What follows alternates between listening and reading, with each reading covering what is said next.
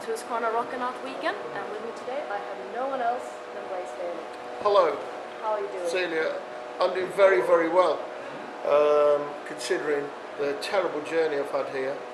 It was very, very boring, and I've listened to almost everything on my iPad and watched all the movies.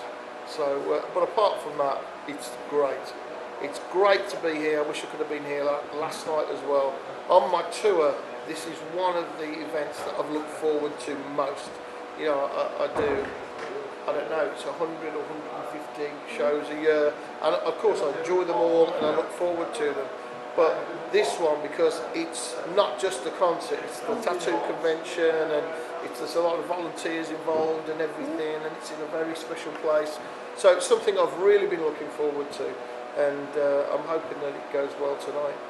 Yeah, speaking about tattoos, I'm really curious because uh, you're getting some new ink. Yes. Tell me about it. Yeah, well, um, this uh, tattoo, this is my wife, Eileen, Mm. and this is my uh, first child, Alice. Mm. And um, I, I was waiting to get Alice put on, and then somebody managed to fit it together and turn it into a, a Maltese cross for me, uh, which was great. And I, I was, it was my first tour of Australia, and for me, I like to, I like my tattoos to be to mark some big event in my life. So I thought, well, this is a good opportunity because it's my first trip to Australia and meeting some family I'd never met before to have finished, get my tattoo finished there.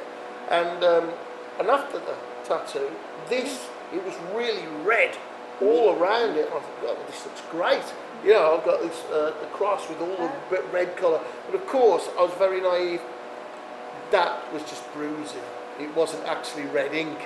And I, after like a week or so, and I'm so, and I'm starting to look. I'm going, where's the red ink going? The red ink's washing off. So I'm like a real idiot. Um, you know. So then when somebody explained it to me, I was like, ah, right. So anyway, I like that so much that um, they offered me here. Somebody wanted to do something for promotion, and it's Raiku from Japan, and uh, she's gonna she's come up with something to kind of liven it up, put some of that red back in, and make it into a shape to to really finish it. So uh, so I'm looking forward to that really, getting some colour back in, getting that finished, and I'll see what time I've got to uh, get anything else done. I kind of like the idea that you will have the red going on. Uh, would it be okay if we took pictures of it afterwards? So we have Yeah, something on the definitely. And I've got. Uh, I'll get. I'll show you the original picture uh, that I sent her as well. Um, that's got the uh, that's got the red on it. So I sent that to her. I said, look, here it is, just done. Uh, and there's the, how red it looks, which was very cool for me. And uh, and so she's working with that. You say that tattoos have to mean something for you to have to mark. My tattoos. Yeah, your It- tattoos. It's only my tattoos. The thing that the tats that I have, uh, because I, I, I wanted tattoos for a long time, but it ha- I, I struggled to find uh, a time and something that was appropriate. So, and, and it, I was, uh, I think, 45 when I had my first tattoo before I got the design and, that I had that life event, you know, which I wanted to remember. My grandfather had tattoos, and they were the traditional tattoos from crossing the equator. Um, and he served in the British Army in India. And I always remember his tattoos being really faded and, uh, and stuff like that. And when I was younger, it was always the, the thing of uh, to put you off tattoos. It was, yeah, but think about what you're going to look like when you're 70. It's like, well, I'm to look, I'm to have these things, yeah. So what difference does it make? Who cares? I'm to care less what I look like when I'm 17 than I do now. And it's now that I want the tattoo. So that, that logic never bought. It was just trying to find the, the appropriate thing to match the occasion. And because I'm a poet and a songwriter, it uh, really it had to have a lot of meaning to it. So that's when uh, Husqvarna said like, oh, can you be the announcer for the tattoo competitions? Was like, I'm like, yeah, I'm there, man. I, I'm there. I've been looking forward to it. When he said, "Oh, would you do the prize?" You know, some of the prizes. I said, "Yeah." And what I'm really looking forward to was talking to him, talking to Christian about the panel, and it's such a mixed bag of people that are involved in making the decision about what is the best tattoo. So it's not just from a technical point of view, but also there's an emotional response going on there, and it's going to be very interesting to see who is the top of the competition based on all of the factors, not just which is you know the most technical, which I, I, I, I don't know the technicalities of a tattoo. I've, I've only done one. Like art. I mean, it's um, it's very hard to decide what is the best. It's like so you have to put so much emotion into it. Yes, and it's- yeah. So I, I don't know. So we'll, we'll see, I suppose. But I'm looking forward to that. Really looking forward to it. Mhm. And you also go to do two shows this weekend. Yeah, I don't know. This guy's crazy, Mhm. right? They booked me, and I'm. Oh, you're booked to do the tattoo convention. My wife said, and I'm. Oh, great! And you you're playing on the uh, Saturday and Sunday. I went. But yet one acoustic and one full metal. Who wants that, you know. So, but I'm really excited about it because it's a, it is a different kind of set. The full metal set, obviously, you've got your drums and bass and all your guitar solos, and with my acoustic set, it's much more intimate. Mm. Really, it's much more a direct vocal connection, and and and you are allowed, you can allow yourself to find areas in the dynamic range that you don't visit during your full metal set. Because there, there's just certain nuances that get lost. And it's great to do my acoustic set and have those little edges.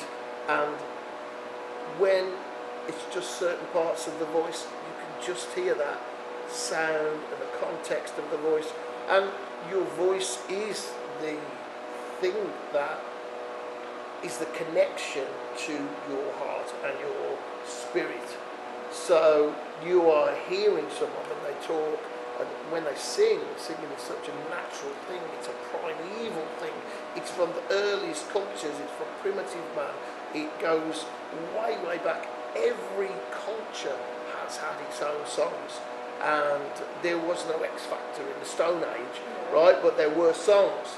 And, and you know, there were these stories and dramas and things captured in song. So it's an expression that everybody owns this expression and it's a connection, you know, that, that you can feel to people. And I feel that that connection, when I do my acoustic set, is very strong. You know, when I do my metal set, you're getting over the power of the story and with the, with the acoustic set, you, you're going into the story deeper in a way. Yeah, and that's kind of the charm because you get this very different contrast between the metal and the acoustic show. Yeah, so it's on different days. Mm. Yeah, so uh, I- I'm looking forward to it. But the, the problem that I've that I've got or could have is my tattoo is booked for tomorrow morning, right? And then I'm doing the uh, the concert and then the presentation, and I've never, you know, sung after a tattoo. It's Oh. my first. It's my first Uh, time singing after a tattoo. Well, sometimes have to be the first. Yeah, You're nervous before that? Yeah, I am a bit. I'm thinking, I- I'm, I'm wondering if it's going to distract me, if I'm going to be, if it's going to be stinging or, or whatever, or I'm going to look down and go, oh, that new tattoo. Oh shit, forgot the lyrics. I use. Use the pain. Yeah. More emotion. You also you're going to do this show together with Thomas and from Yes. Nylon Maiden. Yeah, You started working together a few weeks ago and Yes. had a very hectic schedule of working together. yeah. How come you booked him for this show?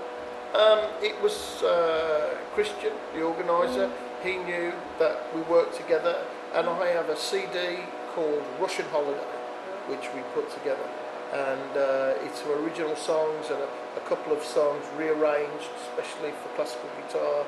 And it was a big success with uh, a lot of fans. A lot of people really like it. So um, when he knew about that, he, he kind of said, oh, is it possible to get both? And Thomas and myself, we both love playing and being on tour, so it was pretty easy to persuade us. There's a natural thing that you two will play together. Yeah, yeah, we enjoy it. You know, we, we really enjoy doing our acoustic shows. Wish we could do more of them. But being in the business for so many years, I mean, it's like 30 years now. Yeah, yeah.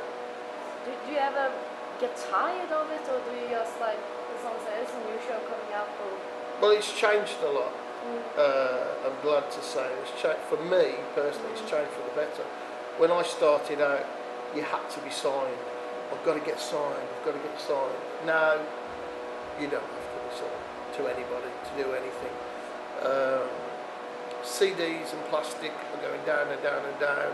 The price of home recording to make your own really good quality record has gone right down. Now, with a little bit of investment in time to educate yourself and teach yourself how to get a good result with home recording equipment, you can have something that sounds as good as anybody else, be it Iron Maiden or U2, anybody. So that is the investment you make in yourself now. So as well as being able to play your guitar or sing or play the drums, you've got to learn how to record yourself, and then great songs will will stand. So I'm not signed to anybody. I'm not with EMI or Sony or anybody. Um, I'm completely independent, and I'm glad to be that way. And I think what you'll find is that in the next 15 years, the the massive change will come, and I think a lot of Swedish bands are going to drive this because there are a lot of Swedish bands who are great musicians and also sing well and care about the song and the shape of a song. Um, and I think what's going to happen is it's going to change, and people who play well live, good musicians, and convincing, strong singers, uh, these are going to be the people that shape it. And it will be, I think, it will be a case of have you seen Blaze Bayley? Or have you seen this person? Have you seen that band? And it will go back to like it was 30 years ago before you got signed up. This is a band that got to hear. And our music will be accessible um, and people will, will find out about us. And it will be back to performing live. It'll be back to connecting with people and the concert being something that you go because you go to that concert because you want that experience and that connection and that you enjoy connecting with that artist. Whereas in the late 80s and early 90s, you were persuaded by a lot of marketing that this was a band that you should see because they are very good. By a lot of people who were professionals at convincing you to buy things you didn't want. And those in music, that is gradually going to change. So the face of music and entertainment is, is just radically changing. I'm on the crest of that wave, doing everything myself. Um, very small, underground, but being able to make a living. I'm very, very fortunate. Thousands of musicians dream of being able to do what I do. Just make a living from your own original music. And uh, I'm very lucky and privileged to be in that place. And I hope that it is something that other musicians, especially people who are starting out, will be able to enjoy in the future. I like what the thing you're talking about because that kind of music world it will demand a bit more work from the musicians. It will also like if you're good, you will be able to make it, and if you're mediocre, you will have problems. It's it's not about being. For me, I'm not the best singer. Uh, I'm, I'm an very average. I'm somebody that loves to sing, and I've learned to sing. I love to sing, and for me, Bob Dylan has an interesting voice. Mick Jagger, the late Bon Scott, Ronnie James Dio, uh, David Coverdale. A lot of interesting voice. Tom Araya from Slayer. He's got a very interesting voice. They're all great singers to me. It's not about the technical side of it. It's about do they give me an emotion? And so people, characters that find the courage to uh, reveal themselves through their voice, I am hoping that is what will happen. And now I think we've gone away from this horrible trend of a lot of throat singing. Uh, that was the first thing that people tried, but now it's gone away. Now that's an option, and uh, other types of singing have come back. More natural types of singing, more natural types of expression, and for me, that's what singing is. It's more, it's expression. You don't have to call it singing. It's uh, a vocalist. It's somebody who's expressing a lyric or an idea or, or an emotion uh, that's connecting with me. And um, and that's what I'm hoping is going to drive things forward. But a lot of the new bands that I meet are guys who are 16, 17, 18. These guys are singing now. They're, they're, they're singing, they're, they're finding the courage to sing because you, you put your voice out there, and you do throat singing, uh, you put your voice out there and people go, okay, he's a powerful guy. But when you are doing something more conventional with your voice, people are, are really easy to criticise because you have to learn to sing. And not everybody can sing. He's naturally a great singer. I know I'm not. Uh, I'm someone who just loves to sing. So I hope that's the future. Yeah, but at the same time, you have a like presence on stage. It's interesting to see. You do connect with the fans. So I mean, I don't know. That's for you to say. Okay, I think that. I just enjoy what I do, and I, I feel privileged and honoured that I have the support of so many wonderful friends. Well, you talked about the metal's future and working together. I'm a bit interesting. Did this um, collection album you did, the when you put all the songs together? Yeah.